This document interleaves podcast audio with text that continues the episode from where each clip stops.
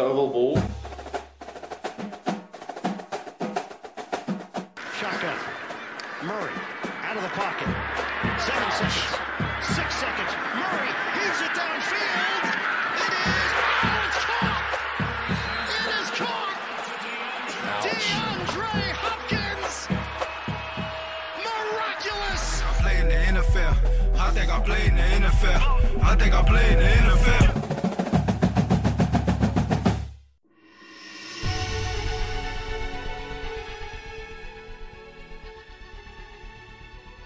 Hjertelig velkommen til Oval ball. Opp, opp.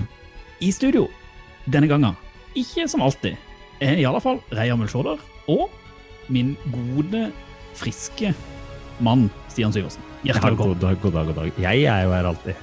Du er her alltid. I dag vet du, i dag kjører vi Fokus på Rookies med Oval Balls egen Daniel Jeremiah. Vi kjører en oppsamling av nyheter, selvfølgelig. Og jeg skal avsløre litt hvorfor jeg verken ville elske eller hate i forrige episode. Men først, som alltid, vil jeg si football til folket. Football til folket.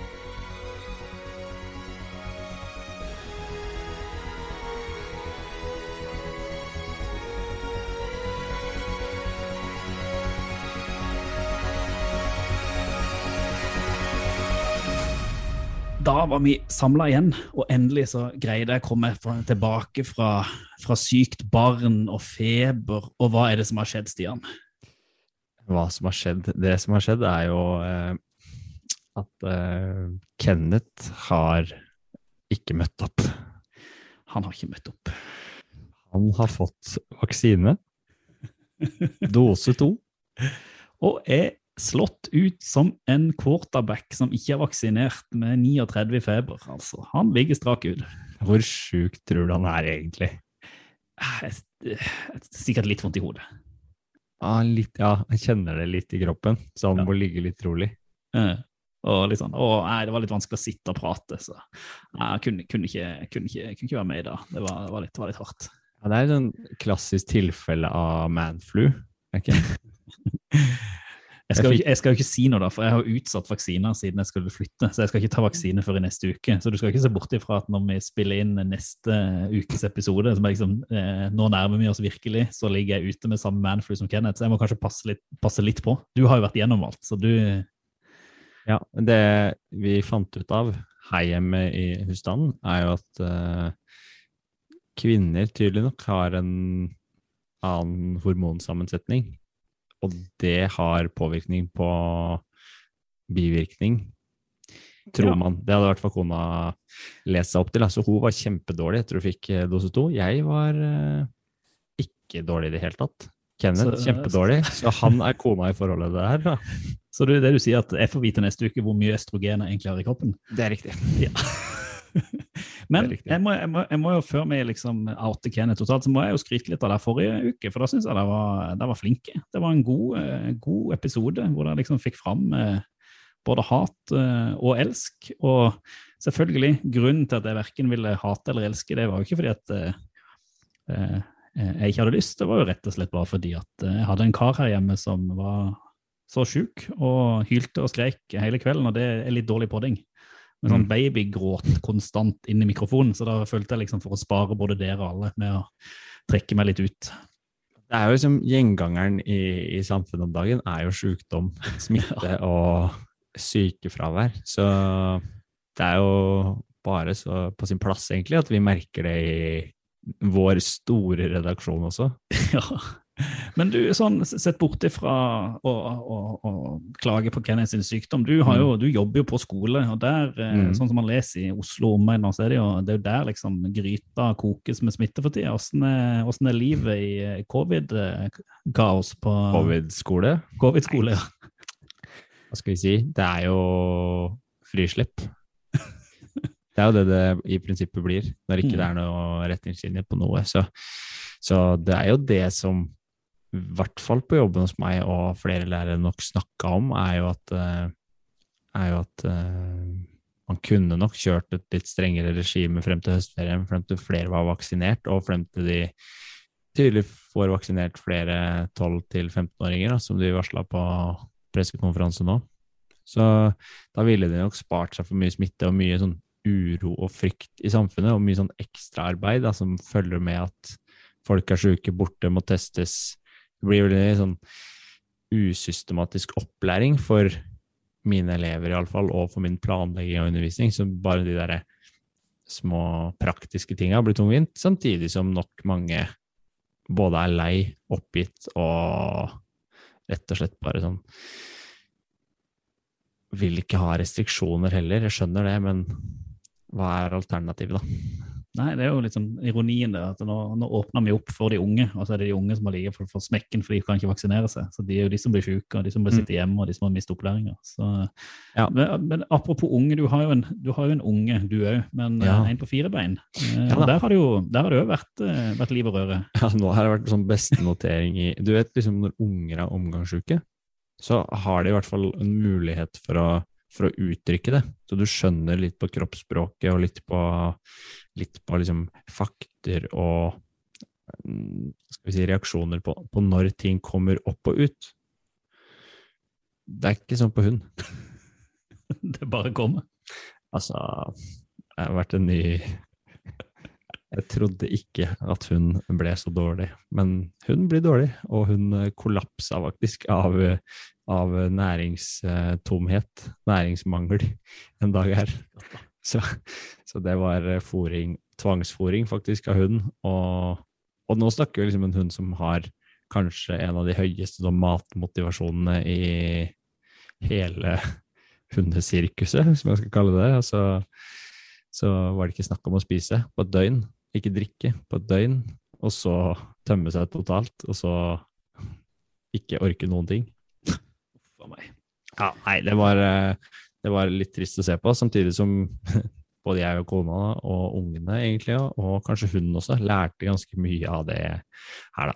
Og det viste seg jo at det som forårsaka hele systemsvikten, um, det var jo selvfølgelig noe hun hadde spist. Ja, Eh, selvfølgelig. vet du hva hun hadde spist? Nei, jeg tror ikke jeg skal gå gjennom tippekonkurranse. Jeg har en følelse av at du har spist mye rart. Ja, vi bor jo rett ved skogen, Gå tur i Mm. skogen. Eh, rottekadaver. Ja, det var jo litt det jeg kjente på, for de spiser jo òg både, både det ene og det andre og det femte og det sjette. Så det er jo ikke Ja. rart at du får i deg noe dritt da, bokstavelig talt. Det kan jo være mer, kan jo være noe Ja. sopp og ting og tang som er giftig også, selvfølgelig, men eh, det satt jo i ei uke, da. Så en rått. Men du, det der, det, nå er vi lei av sykdom og, og dovenskap og sånn. Det som er kult, da, er jo at du endelig nå sitter eh, nytt hus, podrom. Nå sitter jeg i nytt hus. altså Det er jo ikke et podrom ennå, det er iallfall et rom hvor jeg kan lukke døra. Og så håpe at uh, det, skal, det skal bli et podrom etter hvert. Men det er iallfall deilig å komme til hus. Masse pappkasser rundt meg her nå, og alt er egentlig et salig kaos. Og, uh, men uh, det er, det er liksom Skuldrene har senka seg litt. Nå, nå kommer høsten inn, og vi skal kunne nyte litt og ikke bo i en treroms med folk rundt seg. at nå her er det litt sånn, litt luft og litt fri. og Mm. og sånn, så må vi bare bli litt enige om hvordan ting skal gjøres her. da, så Vi krangler jo som busta fyker om klappkasse og plassering og hva som skal være hvor, og hvor ungen skal sove, og hvem som skal dra på jobb, og hvem som skal levere og kjøre i barnehage. Nå har jeg havna i sånn rushkø hvor jeg kjører bil inn til byen for å levere i barnehage. Det er fint. Åh, det er liksom, nå, følte, nå føler jeg meg voksen. Nå Det er sånn, du, sånn det er å bo i periferien. Ja, og så har jeg da liksom til og med fått vært på sånn første Du vet jo disse her, i, i- Før covid så dro man på seminar. Mm. Så jeg har vært på seminar oppe på Holmenkollen i to dager, hvor man har liksom sittet med én meter fra hverandre, og, men allikevel fått spist ordentlig middag. og, og så da liksom, For min del, liksom, sakte, men sikkert, hverdagen kommer tilbake. Det, det er fint. Og liksom det siste, det aller siste som mangler nå, for at liksom hverdagen skal være komplett, vet du hva det er, Stian? Si det. Det er at NFL begynner med uke. Åh, det skal bli så fint. Det, Det skal bli så fint. Og det må vi prate litt mer om. Det må vi.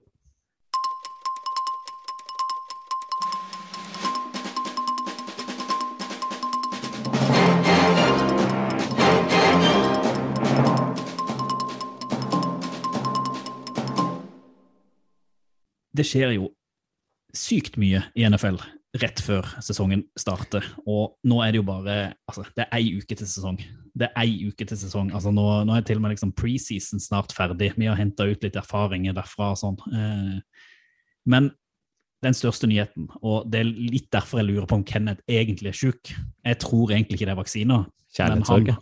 Ja, jeg tror rett og slett det er kjærlighetssorg. Fordi at Cam Newton, i alle fall med og Kenneths eh, store kjærlighet, har blitt kutta fra New England Patriots. Det kom som et sjokk på oss. Jeg tror det kom så stort sjokk på Kenneth han rett og slett gikk rett inn i feberfantasiet. Mens du, Stian, du syns det er helt greit? ja. Vi, Kenneth da vi snakka om elsk og hat forrige uke, så klarte vel jeg å nevne Camp Newton under en slags hat- eller mislike-paraply. Mm. Uh, og det er jo ikke på grunn egentlig av spilleren Cam Newton. Jeg har ikke sett Cam Newton så mye at jeg liksom kan mene noe om det. Jeg har bare lest om og sett klipp fra storhetstiden i Panthers, som uh, vi diskuterte litt i går. Um, men min liksom, Jeg er ferdig med, ferdig med den teksten med, Instagram-cam og, og det showet som er rundt der. da. Jeg syns det er skikkelig kult at en ung, lovende quarterback som folk har litt sånn blanda tro på, skal um, få sjansen under den mest rutinerte NFL-treneren i New England Patriots, og bli coacha og ha ganske bra med våpen rundt seg, og egentlig ikke ha noen som helst unnskyldning til ikke å prestere annet enn mangel på erfaring. Men hvis du, og det, det, kan jeg, det, kan jeg, se, men altså, først må jeg bare si altså, gå inn og se Cam Newton sin sesong Mm. 2015 når han kom til Superbowl og var MVP. Det var liksom min sånn, første inntreden, ordentlig inntreden i, i NFL. og da Mm. liksom, Du hadde ikke hatt, du hadde ikke hatt eh, Lamar Jackson, du hadde ikke hatt Josh Allen, du hadde ikke hatt altså noen av, altså, nesten, altså, du hadde ikke hatt Patrick Mahomes nesten, hvis ikke du hadde hatt Cam Newton som tok den rollen som quarterback, hvor du både kan løpe Han kan kanskje ikke kaste så veldig, men eh, Han visste jo prov på å på å egentlig levere en form for løpespill i fjor, og han var jo en av de som plukka best, eller i hvert fall godt med poeng for uh, Pats også. Og leverte i all hovedsak uh, bra offensivt, syns jeg, selv om han ble skada og, og kroppen hans ikke tåler like mye som før. da. Så leverte jo han på et decent nivå, men da var det jo mer snakk om at ikke han hadde, hadde godt nok med våpen rundt seg. Mens i år så er det jo på sett og vis um, gøy at det var en kamp om posisjonen, men på den annen side ja, ja. På den annen side så viser det jo at Cam Newton ikke lenger er den spilleren han var. Det, det har han ikke vært siden han ble skada, men det, det jeg kanskje synes er mest interessant, da, det er jo at du går fra et Patriots som hadde kanskje den beste liksom, QB-backupen, uavhengig av hvem som hadde starta, eh, til at du egentlig setter alle loddene dine inn i Mac Jones. Mm. Og om han da enten mislykkes eller blir skada, så er det vel Justin Hoyer ryktene går nå på skal sitte bak der og, og ta over. og Da er det jo liksom, da er alle kortene spilt. Så det er jo det er litt av det interessante er jo hvorfor de velger å gjøre det med den risikoen det ligger. da, i hvert fall som jeg har hørt og lest, er det jo det at Cam Newton han er såpass godt likt, tro det eller reist igjen. At han har så mye folk i laget, og folk som eh, ser opp til han og, og, og spiller med han, at han ville vært et uromoment om han hadde vært en QB2 i, i Patriots. og Da tror jeg de ser det som mer nyttig at han skal få lov få muligheten til å kanskje ta en startingplass et annet sted, og ikke liksom ødelegge for Mac Jones. og så får Mac ta all tilliten og kan vokse på det. Så det er jo, det er jo en gamble, men er det noe Bill Belichick kan, så er det jo akkurat dette her. Så mm. jeg syns jo det er trist. Jeg håper jeg får sett han da, i, i NFL i år. Dallas er jo et rykte om at han skal der. Det er jo rykte om andre steder. Det er ferdig med Dallas-ryktet er over. Ja, det er ute. Det er ute, Dallas ja. takka vel egentlig nei til å signere han. Det er de siste nyhetene derfra Ja, som okay. lå på nfl.com i, i dag. Så um, foreløpig ikke Dallas, og det kan jo være andre klubber som kan være interessante. Kanskje Mm. Panthers igjen, Ja, det er sant. eh, som et bra alternativ eh, til Sam Darnold. Men jeg syns jo altså Det er jo alltid, når helter legger opp alt det der, så snakker man jo også om at burde de kanskje tatt hatten sin og gått før? Bokstavelig talt, for, for Cam sin del, da, med, med den stilen han kjører. Men han er jo han er jo såpass rutinert òg, og han virker jo til å ha motivasjon for å fortsette å prestere. Så det er jo ikke noe i veien for at han kan slå seg inn i en annen, i en annen klubb. Men jeg syns det er spennende det Patriots er på vei til å prøve ut. da. Det er kult at de, de tør å satse såpass ungt som de gjør, på en rookie QB1 som riktignok spilte med gode våpen og var um, ganske sånn heldig med tingenes tilstand i college eh, Alabama også. Ja, men så, jeg, jeg har jo lest uh, iallfall nå at de sier at de har jo nesten ikke sett en bedre preseason fra en rookie QB1 enn det Mac Jones har levert Mm. i Patriots. Altså, det, han har liksom levert på alle skalaer drithøyt og liksom overprestert det alle trodde. Så det, jeg må jo si at jeg, jo, jeg var jo skeptisk, enda skeptisk, men jeg har på en måte, jeg begynner å helle mot at dette kan bli ganske spennende å se hvor, hvor bra det kan, eh, kan bli. Ja, vi kan jo skille det og si at det handler jo om en kul satsing fra Pat sin side, samtidig som det er trist, altså spesielt for dere som har et forhold til han, at eh, Pat eh, eh, Eller at eh, Pat kutta Cam Newton og slapp han. Ja, det, vi, vi kommer ikke til å slutte å prate om Cam nå, det kan jeg love deg. Når Kenneth kommer tilbake, skal du se at vi kjører en egen spalte, hylles til Cam. Egen episode. egen episode om Cam. ja.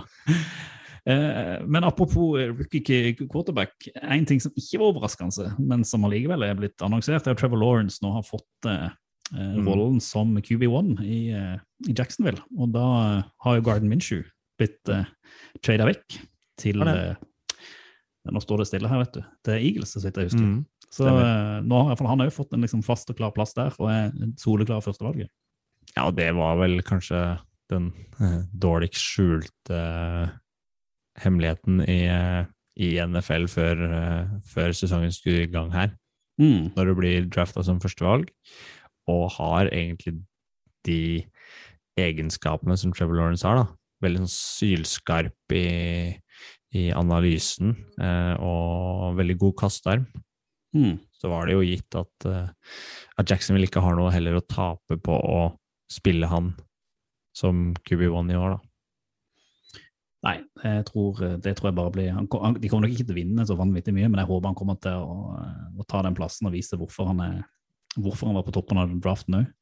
Litt mer eh, quarterbacks før vi går, går videre. Eh, både, altså, det er noe uklart både på skadefront og på hvem Mm. som skal, skal spille. Altså, først ble det jo meldt at Dak Prescott og Carson Wentz skulle være ute, iallfall til i alle fall Carson Wentz til flere uker i sesongen. og Nå går jo liksom ryktene om at kanskje begge blir klare. Hva, hva er siste nyheter rundt der, eh, Stian? Mm, på Carson Wentz så ble vel han tatt av eh, covid-lista nå. Um, og han ser ut til å være klar til Game Week 1. Men nå tipper jeg de holder kortet ganske tett i brystet, både når det gjelder Dack og Wentz nå uka før det, det smeller, fordi de sikkert vil ha en liten edge på motstanderen. da. Mm. Eller i alle fall ikke avsløre for mye av uh, hva som blir utgangspunktet. Så det ser ut som begge er klare til å starte. Er de siste Det er rapportene jeg fikk med meg. Og så ser vi jo liksom, når vi har fulgt med på, på Dack i eh, Hard Knocks, som vi var innom så, så er han jo en fantastisk kul type. Og en utrolig morsom quarterback å se på. Så vi håper at han er klar, at han får liksom tatt revansj og starta der han slapp før han ble skada i fjor. Mm. For da var han god. Ja, var han fantastisk. På sitt beste er han jo helt, eh, helt god. Han hadde vel mest passing yards i hele NFL da han spilte, så eh, nesten sånn kamp for kamp. Ja. Og så er jo spørsmålet med Vents om han kommer til å være den dårligste quarterbacken igjen, eller om han faktisk eh, får snudd eh, karrieren og rett og slett skjerpa seg og vise at han er på, på nivået som, eh, som han var i Eagles på sitt beste. Ja, Hvis han da ikke får seg en liten covid-infeksjon, da. For det, det Colts-laget, Der der, er det der er det mye morsomt som skjer. Ja, der er det krise. Altså, de har det lavest antall vaksinerte spillerstallen. I tillegg så har eh, Reich, head coach, gått ut og sagt offentlig at han godtar spillernes ulike standpunkt til covid-vaksine. Og det er jo litt spesielt når man hører historier om hvor syke en del spillere har vært, og hvilke restriksjoner og, og krav som stilles da, til ulike spillerstaller og lag ikke, og ikke minst spillere som ikke er vaksinerte. Hvor mye mer styr det må bli, og hvor mye større belastninga blir på hele organisasjonen. Ja, altså det, er jo, det, det er liksom bare to be continued, men det er jo helt latterlig at, eh, at, de, liksom, at, de, at de godtar det. Altså, Mm. Iallfall når de er en franchise som skal liksom eh, både kostnader og skade og alt. Så er det, eh, men altså USA nå har du jo sånn kjempedigresjon. Nå har jo Texas åpna for at abort nesten totalforbys. Så det landet der det, det kan du få billigere med på mange politiske standpunkter. Oh, Ja. Når det kommer til vaksine. Ja, vi får, eh, vi får holde oss til fotballen, tror jeg, men, eh, Jeg men det det. er i alle fall en, gjerne en avspeiling gjerne, av, Mm. eh, av samfunnet, det også. Siste quarterback det er jo at 49ers, der, der skal man holdes på pinebenken. Hvem som skal starte første, første kampen. Ja, Vi har jo prata om Kai Shanahan og hans evne til å komme med sitater ganske mange ganger. Han hadde pressekonferanse om det var i går eller i dag tidlig norsk tid, eh, hvor han blir spurt om QB1-posisjonen, altså om Trey Lance eller Jimmy Garoppolo skal starte. Og Vi har jo diskutert det opp og ned, eh, vi også, i poden her, og andre podder tar det opp. Og, og det er rett og slett et stort spørsmålstegn hvem som starter for en av de eh, beste laga i NFL. Og han sier I don't need to announce anything to you. eh, og Det har vi jo det har vi noe å prate om. Det er jo fantastisk. Ja, Eh, og, og vi, vi Jeg tror han kjører Jimmy G fra, fra start fordi det er det trygge valget. det tror jeg. Og så tror jeg han hiver inn uh, Lance uh, liksom et par uker etterpå, hvis ikke Jimmy G spiller som en uh, gud. Det tviler jeg på han kommer til å gjøre. Ja, jeg vet ikke. Jeg er egentlig litt ambivalent. Han eh, har vist til å være god, kan levere, kan dra lag til Superbowl, er kanskje ekstra revansjesugen og har, et, har mer press på seg nå enn han har hatt tidligere, med en ung øh, Veldig, om ikke han er hypa, så er han iallfall uh, løfta fram som et kjempetalent. Og 49ers har jo egentlig lagt framtida si i hendene, bokstavelig talt, til Trey Lance. Så han må levere for å beholde plassen sin. Og Ja, det det, kan jo hende at han funker da, men Mm. vi husker jo den pasningen, som sagt, eh, uten press i Superbowl også, så jeg vet ikke. Men jeg, jeg, han starter nok, og jeg håper han leverer, altså. Kjekke Jimmy G. Ja, det er sant. Det skal han ha. Det, vi, får, vi får time will show. Jeg tenker liksom at kanskje han tar seg en tur til Patriots ut som backup i, i verste, kass, hvis, verste fall. Tilbake til hjemmet hvis det går dårlig for Mac, men det får vi heller komme tilbake til senere episode. Hvis Ja, det får vi vil ta. ryktes. Ja. Eh, og- og så er det jo at eh, det er jo litt sånn, Jeg får litt sånn vondt av New Orleans, da, for det er jo der alle uvær treffer. Katarina, Arthur, nå er det uværet i Aida som har gjort at de rett og slett ikke får lov å spille hjemme. Altså Domen, eh, om, Nå vet jeg ikke om, det, om han ikke er spillbar, men i hvert fall pga. uværet så er kampen mot Packers flytta eh, i week one, er det ikke det? I, Jo. til Jacksonville. Det er riktig. Det er flytta til Jacksonville, og man ser jo igjen Det er verdt å ta opp fordi Katrina er jo fortsatt et eh, samtaletema i New Orleans-området. Mm. Og følgene av den katastrofen kan man jo fortsatt se. Eh, har ikke jeg vært der borte, men jeg har hørt med folk som har vært der, og, og det er eh, noe som preger befolkningen, preger omgivelsene. Og ja, nå blir de altså utsatt for noe lignende igjen, da. Det ser ikke ut til å bli like, kanskje like omfattende, men dog en naturkatastrofe som koster menneskeliv, og som uh, får store uh, mm. Skal vi kalle det uh, infrastrukturelle følger, da. Og for Saints sin del så innebærer jo det at de ikke får åpna for full dome igjen. Noe som hadde vært et fantastisk liksom, plaster på såret for forrige sesong. Mm. Um, og det er jo rett og slett bare trist at, at dette rammer på den måten det gjør, da. Ja, det rammer deg. Og så føler liksom, det, det rammes jo Saints igjen. Det er jo det òg. Altså, mm. så vi får jo får håpe at det ikke blir langvarig. Men det er jo Det er iallfall sånn som det er nå, ei uke før sesongen. Og så må vi jo nevne helt til slutt, tenker jeg, men jeg har lyst til å si så lite som mulig, at det var jo noen eh, vonde rykter om at en visste Sean Watson skulle trades til eh, Miami Dolphins. Eh, og det virker jo til å bare være, være rykte, men det er jo en litt sånn der eh, spesiell situasjon med at NFL ikke har gått inn og sagt at han ikke får spille, så dermed så er han en del av, av tekstens Det kan være noen eh, franchise-eiere der ute som kan gamble på det PR-backlashet med, med å signere han, eh, siden han er en god spiller og hvis du trenger en eh, quarterback. Så det, det Det er litt sånn, det er litt sånn uggen situasjon i det hele. Selv om det virker til at han ikke drar til Miami eh, nå, selv om, selv om det var rykte. Mm. Og de vil jo ikke gå ut i klubben og si noe om han kommer til å få spille innen nåværende eller kommende sesong heller. Så, Mm. så dette er jo et gas som igjen kommer til å vedvare, da. Men jeg har litt lyst til å avslutte egentlig nyhetsspalten jeg reier med, med NFLs eh, topp 100-kåring. Selvfølgelig, for ble- du skal tilbake til, til litt elsk og hat her. Ja, men, men dette handler jo egentlig ikke om oss. Dette handler jo egentlig om hva den nøytrale og, og kanskje også nye NFL-seer og den som har oppmerksomheten retta mot fotballen, altså f- mm. som skal følge med på det her, Fotball til får folk. jo her en liste over helt fantastiske kremspillere som er verdt å følge med på. Hvis vi bare tar typ topp seks på den kåringa som, som NFL har stått for, så ligger Davante Adams på sjetteplass. Mm. Han er jo wide receiver i eh, Packers. Prata godt om han siste episode. Gjorde det. Mm. Travis Kelsey, vi var ikke innom Titans egentlig, men Travis Kelsey, Titan i, eh, i eh, Kansas City Chiefs, er jo på femteplass. Det er et elsk. Kameraten din, Derrick Mm. Henry, i oh. Oh. Titans fjerde.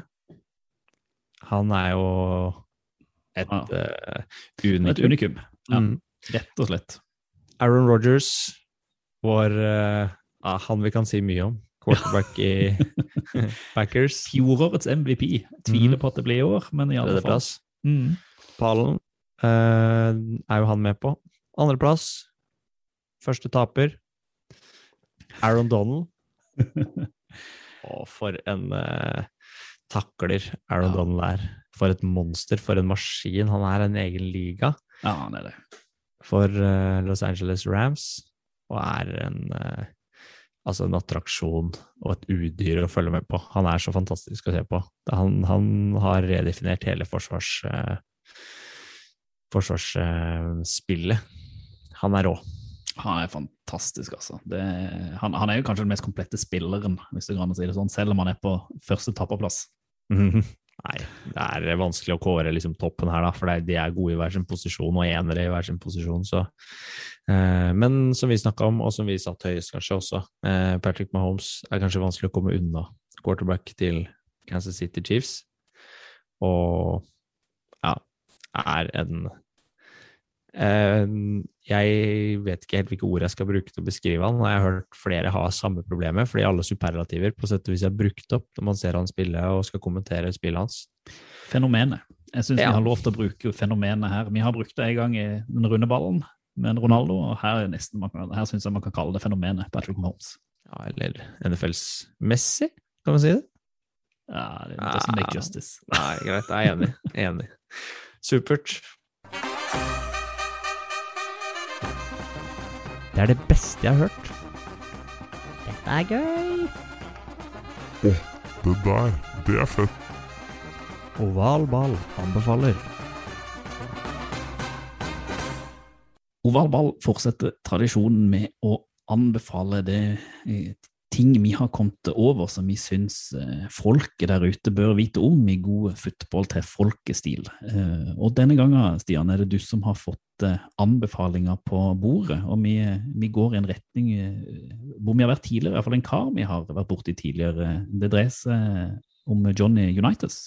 Det gjør det absolutt. Eh, vi snakker egentlig om en form for reprise. Vi la ut, eller jeg skrev en tekst som vi la ut på vår, eh, vår side om Unitas. Eh, og vi snakker om en spiller som ser ut til å bli bedre og bedre jo lenger eh, tiden går her. At han modnes på en måte bedre i forståelsen på våre eh, øyne og tanker. Og nå har The Athletic, som jo er en fantastisk kilde til NFL-stoff, som vi nok har snakka mye om, de har også rangert en eh, topp 100-liste, da, men de snakker mer gjennom tidene enn bare nåværende spillere som NFL eh, virker som alltid rangerer før hver sesong. Her har de rangert eh, Uniteds eh, som nummer ni eh, på topp 100-lista, og de drar det jo så langt at man kan dra paralleller liksom, til kallenavnet til Tom Brady, og det er jo fint, er det ikke? Det er veldig fint. At de trekker liksom inn eh, United som GOAT. Og, goat. ja, og her da, da snakker vi jo en sammenligning som er ganske drøy. Han vant kanskje ikke like mye som, eh, som det Tom Brady har gjort, og det er det jo få som har gjort, egentlig. Han er jo uten sammenligning for øvrig den mest vinnende. Mm.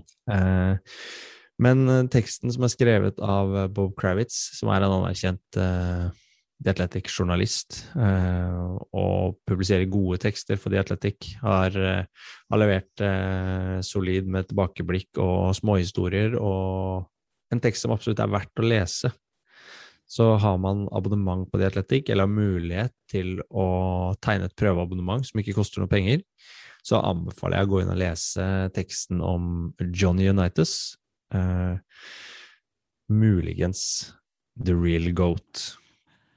Og den teksten kan vi vel si at vi legger ut eh, via vår sosiale mediekonto, sånn at når du sitter og hører på denne podden, så er det bare å gå inn på ovalballpod på enten Facebook, Twitter eller til og med på Instagram, så skal vi kunne vise deg hvor du kan finne teksten.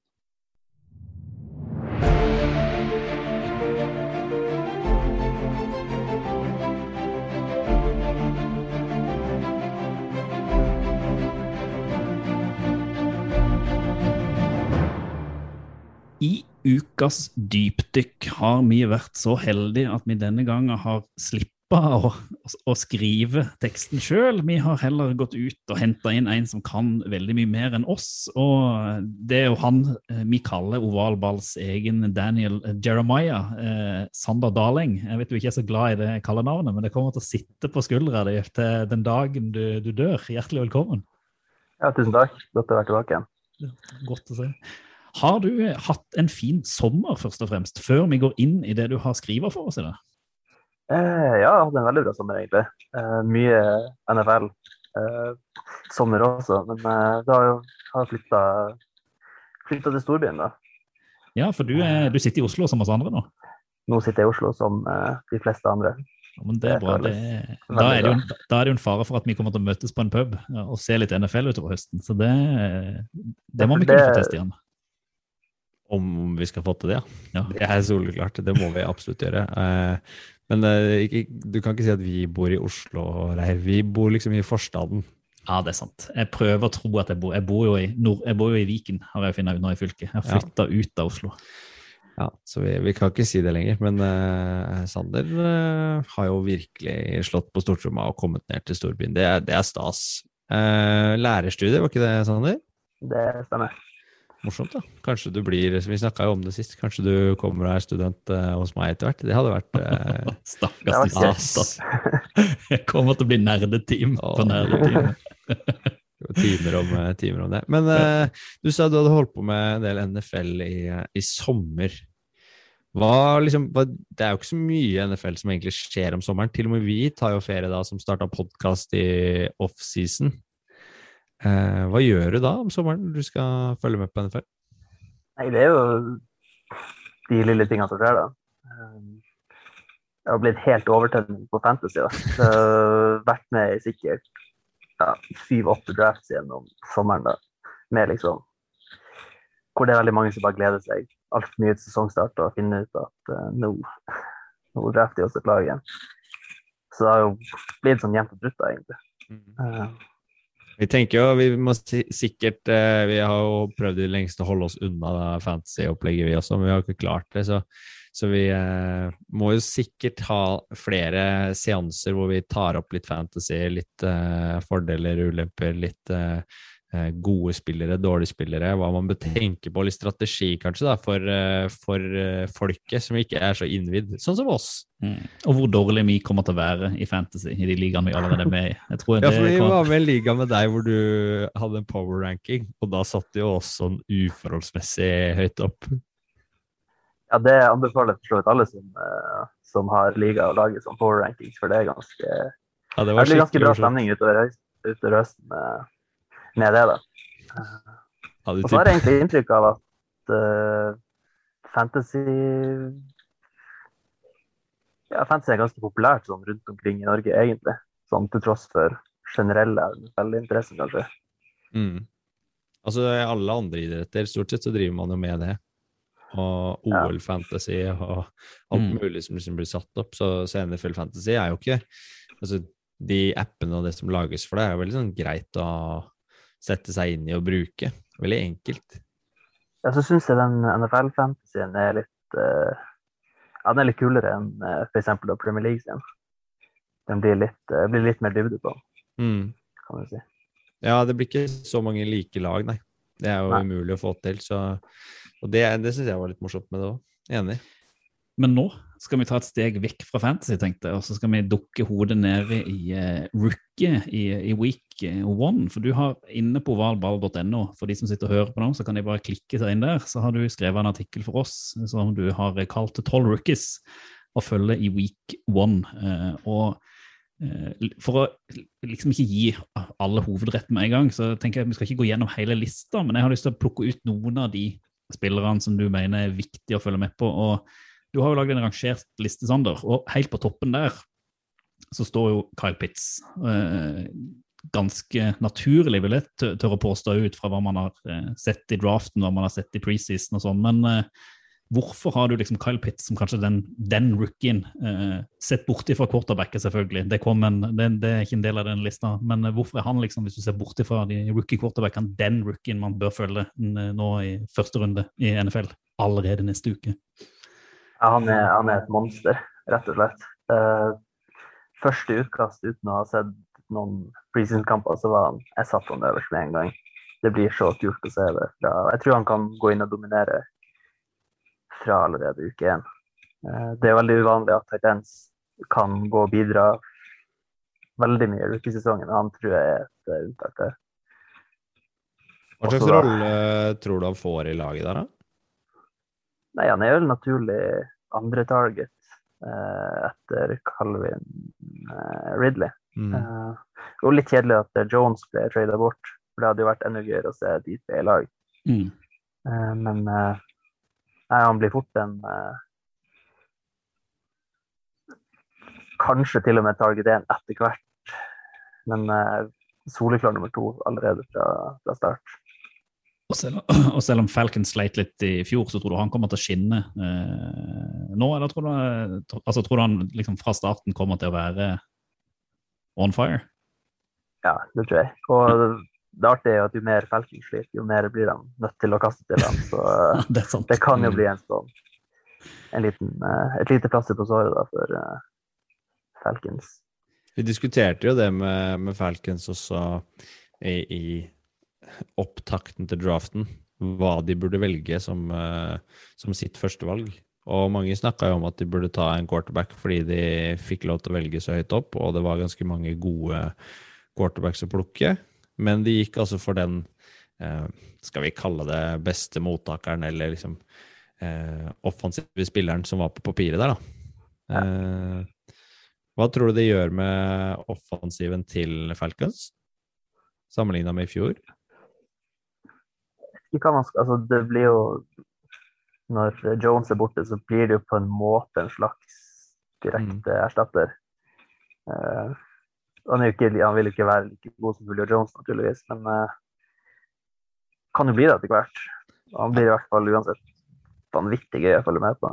Mm, han har jo nesten Mm. sett ut på de klippa jeg har sett fra preseason, og også fra college. Altså er han jo en, en receiver i stor grad. Han er jo ikke en Titan som blokker på samme måte som, eh, som uh, Kelsey, for eksempel, i, i uh, Chiefs. da. Det er det som har vært svakheten hans, at han har vært egentlig helt middels og kanskje litt, litt svak i blokkinga, men han, han trenger ikke det. det er sånn Nei, sier, han er jo en, han er en receiver i en gigantisk kropp, så Mm. For å gå litt, litt videre, eh, en annen kar som du har på, på lista Jeg skal ikke mye avsløre plasseringene, det skal folk få lov til å gå inn og se sjøl, men det er jo en av ovalballs store store rookie-favoritter eh, som jeg håper jo han kommer til å liksom bli enda bedre enn Levion Bell når han da starter for Pittsburgh Speed Steelers. eh, eh, og det er Energy Harris. Han har jo vi ståltro på. Kenneth hadde han ikke ligget med 39 i feberen, og så hadde han stått nå og sikla mens du prata om han, for det er jo Kenneths store, store rookie-favoritt. Men hvorfor tror du at han òg kommer til å være stor allerede nå fra starten? Han har jo sett, eh, han har sett dritbra ut i preseason, det må vi jo si. Han Jeg vet ikke størrelsesforskjellen på han og Derek Henry, men jeg tror ikke den er veldig Jeg tror ikke den er veldig ulik i, i kroppen, altså. Og så er Mm. det jo eh, Det ligger jo masse jobb til han rett fra start. Det er jo ingen andre som blir å, blir å ta fra han snaps, med mindre han må, mindre han må ville litt. Det er det Steelers mangla i fjor, løpespill. Så hvis de får det til å flyte, så, så kommer jo de til å være et lag som helt sikkert drar seg Jeg vet ikke om de klarer å dra seg like langt, men de, de vil jo iallfall være en utfordrer da, til en playoff. Og de, når du kommer til playoff, så vet du liksom aldri helt hva som, hva som skjer i matchene. da. Mm. Nei, I playoff så skal det jo løpes, så da vil det jo være Mm. Vil han kanskje være enda viktigere Ja. Ja, da blir det et sånt våpen som Steelers tydelig, tydelig savna, ikke sant? Som, eh, som bidrar med det ekstra de ikke hadde i fjor. Mm. Så tror jeg det gir litt mer til uh, passing gamet. da, Så for I fjor så trengte jo ingen lag å ta hensyn til om de kom til å løpe ballen, for det gikk jo ganske trått uansett der. Mm. Mm. Så det gir, kanskje, gir litt mer tid kanskje til Big Ben òg, med at man har litt mer å Ja. spille på. Mm, som gjør at Det han er trenger han. det trenger han. Eh, Men du, det må jeg jo si, du har jo ikke bare tatt med offensive spillere her. Du har jo med en av de jeg synes er kanskje en av de mest spennende eh, forsvarerne, om man kan si det sånn på norsk, i, i, eh, i årets NFL av rookien. og det er Mikey Parsons i Dallas Cowboys. Og Dallas ser vi jo nå på Hard Knocks, og man får jo følge med. Men hva, der går det jo rykte om at han kan bli altså han, han er enda bedre enn man trodde. Han var liksom sett på som sykt bra, men han bare virket til å være enda bedre. Jeg tror litt av at det ble en liten sånn demper på han, var alle de personlighetsflaggene på han. da. At han eh, Datt jeg ut ennå? nå? Nei da, vi hører deg godt ennå. Ja, det er frøys på Ja. Men eh, Nei, det var de ja, ganske tvilsomme ryktene fra hvordan han hadde opptrådt på, eh, på college, da. Som jeg tror dempa litt eh, Mm. altså hvor god han var på banen. da. Eh, og man så det jo i den eh, Hall of Fame-kampen, den vanvittige intensiteten han uh, hamra med seg. Eh, og det var jo litt uh, kan man si svakheter til Cowboys i fjor, da. At det så ganske slapt ut når det forsvaret eh, var på banen. Mm. Så han tar med seg intensitet som er helt spinnvill. Ja, de måtte jo roe han ned på, på sidelinja og bare ta han ut av matchen. eh, Og de klippa som er fra Som man ser på Hard Knocks, er jo bare en liten del av den personligheten hans. da. Og det som kanskje ble flagga som ble sett på som for mye i college, kan jo vise seg å være akkurat det du trenger for å bli en ledestjerne i NFL. Ja, hvis han klarer å si, kanalisere det riktig, så vil det jo Mm. være, være bra. Men det var jo litt mer sånn Han var jo i den eh, skal si, mobbesaken som var ganske omfattende på, eh, i Penn State. Eh, hvor han bl.a. hadde trukket en kniv tror jeg, på noe med studenter. og Ikke bare en sånn Ikke småaggressiv, men Så får vi håpe Ja, det- at han leier det fra seg. Ja, Det funker jo ikke så bra hvis du skal drive med det i NFL heller. Det er ganske dårlig, dårlig egenskap. Nei, men som spiller så ser han, eh, ser han veldig bra ut. Mm. Og så har du òg tatt med det vi kan kalle en, altså, si en liten dark horse. En som eh, ble tatt litt seinere i, eh, i, i draften. og det, Nå må du bare si fra om jeg uttaler det feil. Altså, Amon Ra St. Brown, uh, wide receiver på Detroit Lions.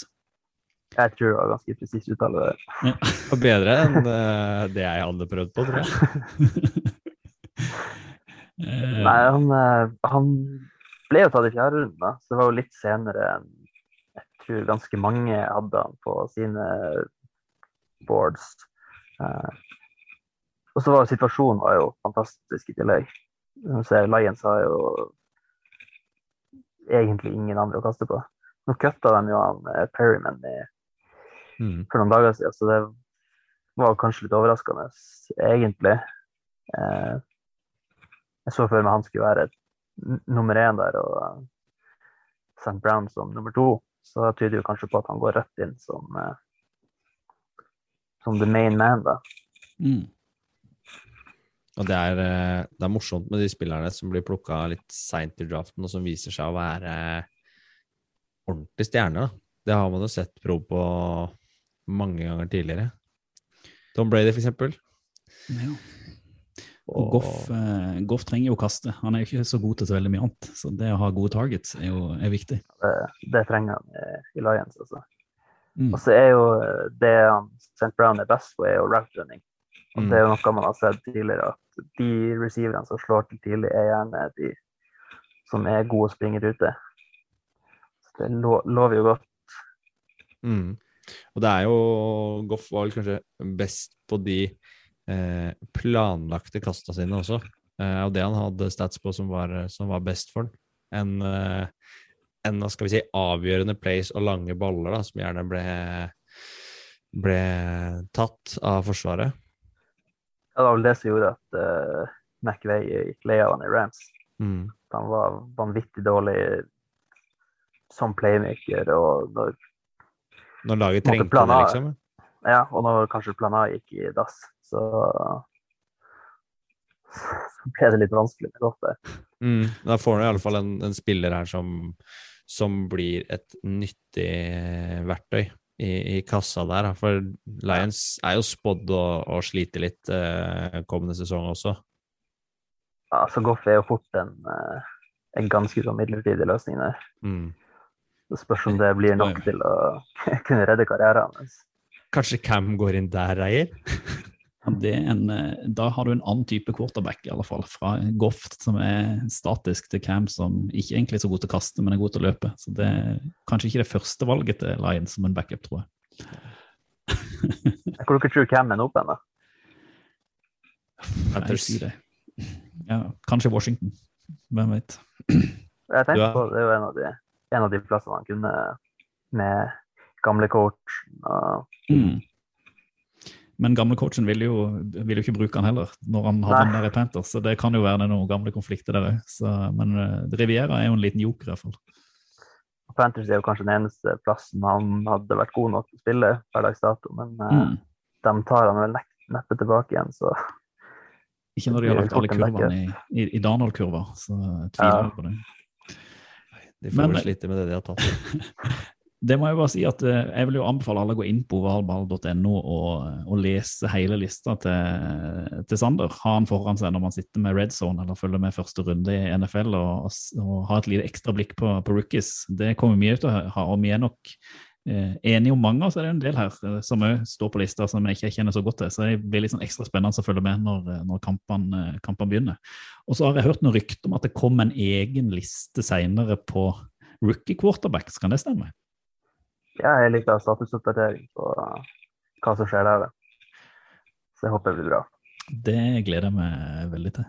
Og så må vi få deg tilbake og, Sander, og snakke både om eh, kommende draft, og vi må snakke fantasy, og vi må vi, vi har planer om å bruke deg litt nå sesongen som kommer. Det høres bra ut. Jeg er student, så jeg har god tid. Ja, men det, det er helt nydelig. Så da blir det, da blir det istedenfor å si ha det godt, så blir det heller på gjensyn eh, innen kort tid. Eh, Det kan jeg si. strålende.